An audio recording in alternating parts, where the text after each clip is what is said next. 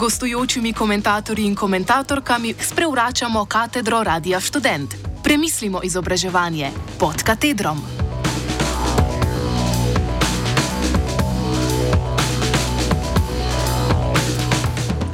O aktualni šolski politiki.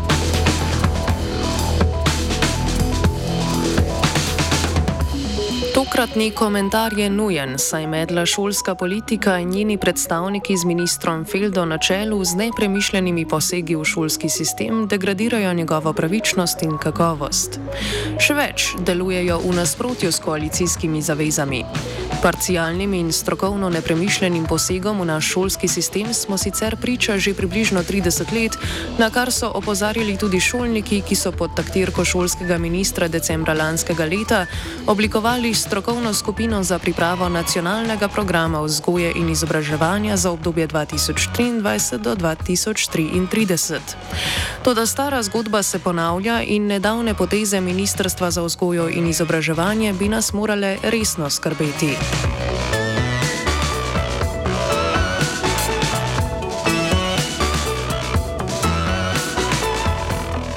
Ministr Dario Felda z državno sekretarko in sekretarjem ne poslušajo argumentov strokovnjakov, ko jim ti sporočajo, da je sprejetje novela zakona o osnovni šoli pred sprejetjem nacionalnega programa strokovno nesprejemljivo. Sprememba zakona, ki je konceptualno nedodelana in brez širše predhodne strokovne razprave, med drugim uvaja velike spremembe na področju nacionalnega preverjanja znanja in poučevanja tujih jezikov, izrazito pa posega tudi v razširjen program osnovne šole, kamor sodijo jutranje varstvo, podaljšano bivanje, dopolnilni in dodatni pouk, interesne dejavnosti ter neobvezni izbirni predmeti.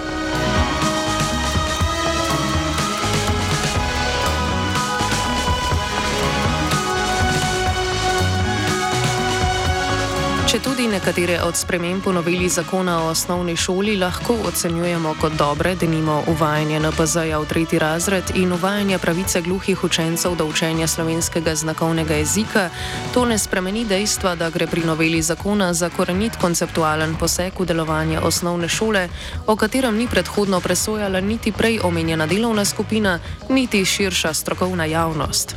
Takšnih sprememb smo v šolstvu v preteklosti videli že veliko in si jih ne bi smeli več privoščiti.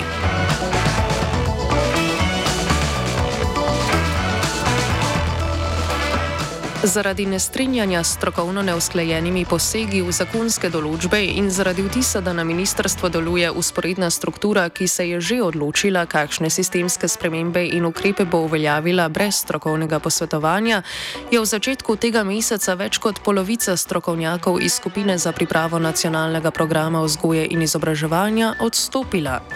V protestnem pismu so zapisali, da pri noveli zakona o osnovni šoli niti ni jasno, kdo je predvidene zakonske spremembe spremembe sploh pripravil. Od strokovne skupine pa naj bi se pričakovalo, da svoje pomisleke pač prilagodi in sledi načrtovanim spremembam. Nekateri so takšno delovanje zavrnili in odstopili. Nadalje se zastavlja vprašanje, kakšno pogajalsko moč sploh ima Ministrstvo za vzgojo in izobraževanje v aktualni vladni garnituri. Sumiva, da je vsaj z vidika pridobivanja finančnih sredstev za zagotavljanje kakovostne vzgojno-izobraževalne dejavnosti nima prav veliko. O tem priča informacija, da namerava Ministrstvo za javno upravo s Sanjo Ajanovič-Hovnik na čelu svetovalnim delovcem v vrtcih in šolah začetne plače postaviti tri plačne razrede nižje od učiteljskih letih, če tudi oboji opravljajo zahtevno pedagoško delo, za katerega se zahteva magistrska stopnja izobrazbe.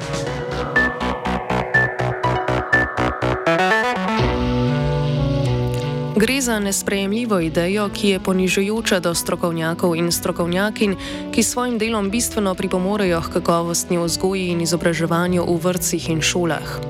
Ukrep tako kaže na temeljno nerazumevanje in podcenjujoč odnos vlade do svetovalnih delavcev in njihovega dela.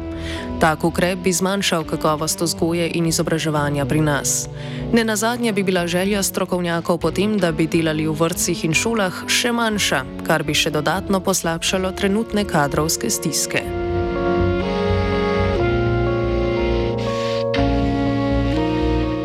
Svoje ostro nasprotovanje opisanemu predlogu plačnih razmerij so preteklo sredo na tiskovni konferenci, ki jo je organiziralo in vodilo Slovensko pedagoško društvo, izrazili številni vidnejši akteri z področja šolstva. Ministrstvo se niti na novico o spremembah plač, ki je zaokrožila v javnosti, niti na tiskovno konferenco, kako pak, ni odzvalo, čeprav ga vest neposredno zadeva. Pravijo, da zadeve v času trajanja pogajanj ne bodo komentirali.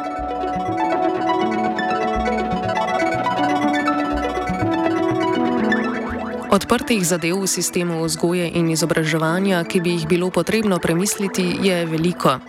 Ministrstvo ima v tem mandatu popolno priložnost, da uskladi delovanje strokovne skupine za pripravo nacionalnega programa in kurikularne spremembe, ki potekajo pod okriljem Zavoda za šolstvo.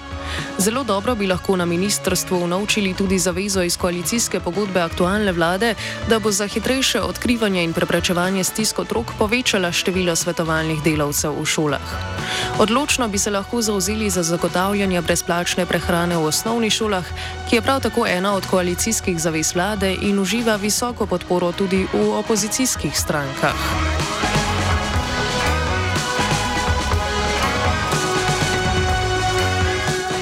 Žal se je v preteklih mesecih izkazalo, da bo ministrstvo kot brezglavi buldožer drvelo dalje. Nič ne kaže, da bi se z usklajevanjem prenove šolstva pretirano ukvarjalo, saj so v zadju zakoni in pravilniki pravzaprav že posodobljeni in bodo kot takšni vloženi v zakonodajni postopek, različne delovne skupine pa oprizarjajo predstavo za javnost. Poslednjem priča uvajanje dodatnih tujih jezikov v osnovno šolo, o čemer pred uložitvijo novele zakona o osnovni šoli ni bilo širše strokovne razprave. Ker je bil odziv javnosti buren, zdaj ministrstvo naknadno organizira posvete o tem, čež da je o uvajanju tujih jezikov še vedno moč razpravljati, čeprav je predlog zakona že v zakonodajnem postopku.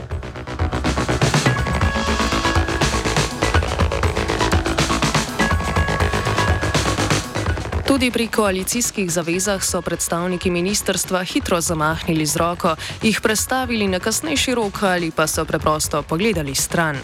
Tako so bili ravnatelji in ravnateljice do nedavnega v skrbeh, ali bodo v naslednjem šolskem letu izgubili dodatnega svetovalnega delavca, ki jim je pripadal v času epidemije COVID-19. Na srečo se to ni zgodilo, saj je ministrstvo spremembe še pravočasno vneslo v pravilnik in s tem zagotovilo nadaljne delovanje šolskih posvetovalnih služb. Te bi bilo potrebno še dodatno okrepiti z dodatnimi svetovalnimi delavci, ki pa morajo biti pravično in korektno uvrščeni v plačno lestvico. Pri odločanju o financiranju šolskih kosil za vse osnovnošolce iz državnega proračuna je ministrstvo kljub koalicijski obljubi in širšemu konsenzu raje pristalo na skupno stališče vlade, ki je izvajanje zakona pomaknila na leto 2027 v obdobje mandata naslednje vlade. Vendarle pa je podprlo razširitev subvencije na otroke, ki živijo pod pragom tveganja revščine ali tik nad njim, a z argumentacijo, da mora biti ta postopna. V luči splošne draginje in dejstva, da si tudi družine otrok, ki se nahajajo tik nad pragom tveganja revščine, težko privoščijo plačilo šolskih kosil, bi moralo ministrstvo ustrajati pri čimprejšnji zagotovitvi kosil za vse najrevnejše otroke.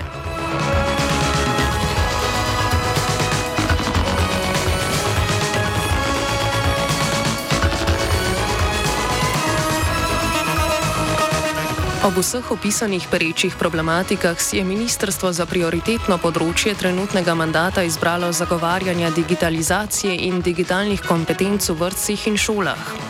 Pri tem na vsebinski ravni še ni jasno, kako bi jih razvijali. Zgolj povečanje ur računalništva v šolah ali pa tečaj za vzgojitelje in učitelje verjetno ne zadostujejo.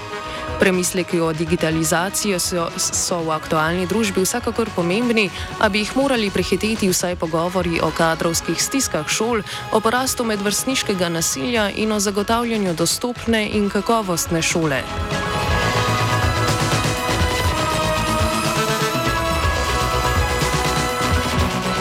Ministr Dario Felda, res je, od vas pričakujeva veliko in sva do vaših dosedanjih potez kritična, ker ne pristajava na frazo, da se ne da drugače, da se ne da bolje. Postanite vzor in se v pogajanjih o plačnih razmerjih jasno postavite v bran svetovalnim delavcem. Ravnateljem in ravnateljicam, ki so na delovanje ministrstva razočarani že kar nekaj mandatov, ulite novo upanje. Nov zagon. Prekinite krok parcialnih posegov v zakonodajo in učne načrte, ki že predolgo pestijo naše šolstvo in jih trenutno nadaljujete tudi vi. Časovno uskladite procese delovne skupine nacionalnega programa vzgoje in izobraževanja za obdobje 2023 do 2033 z noveliranjem zakonodaje in s posodabljanjem kurikulov. Le v primeru premišljenih sprememb se bodo mladi še morda odločali za poklic v vzgojno-izobraževalnih ustanovah, tisti, ki so že zaposleni, pa si bodo morda bolj želeli ostati. Le tako bo šolstvo zagotovljena osnovna možnost, da postane dobro delujoč in kakovosten sistem, ki vzgaja in izobražuje na samostojnost, argumentirano kriči, kritičnost, odgovornost, vedoželjnost in medsebojno spoštovanje.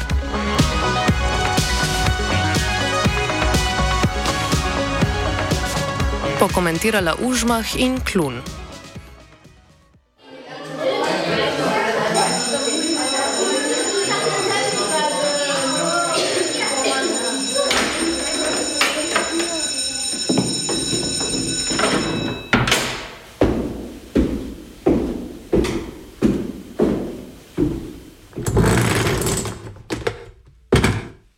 Gostujočimi komentatorji in komentatorkami sprevračamo katedro Radia Student. Premislimo izobraževanje pod katedrom.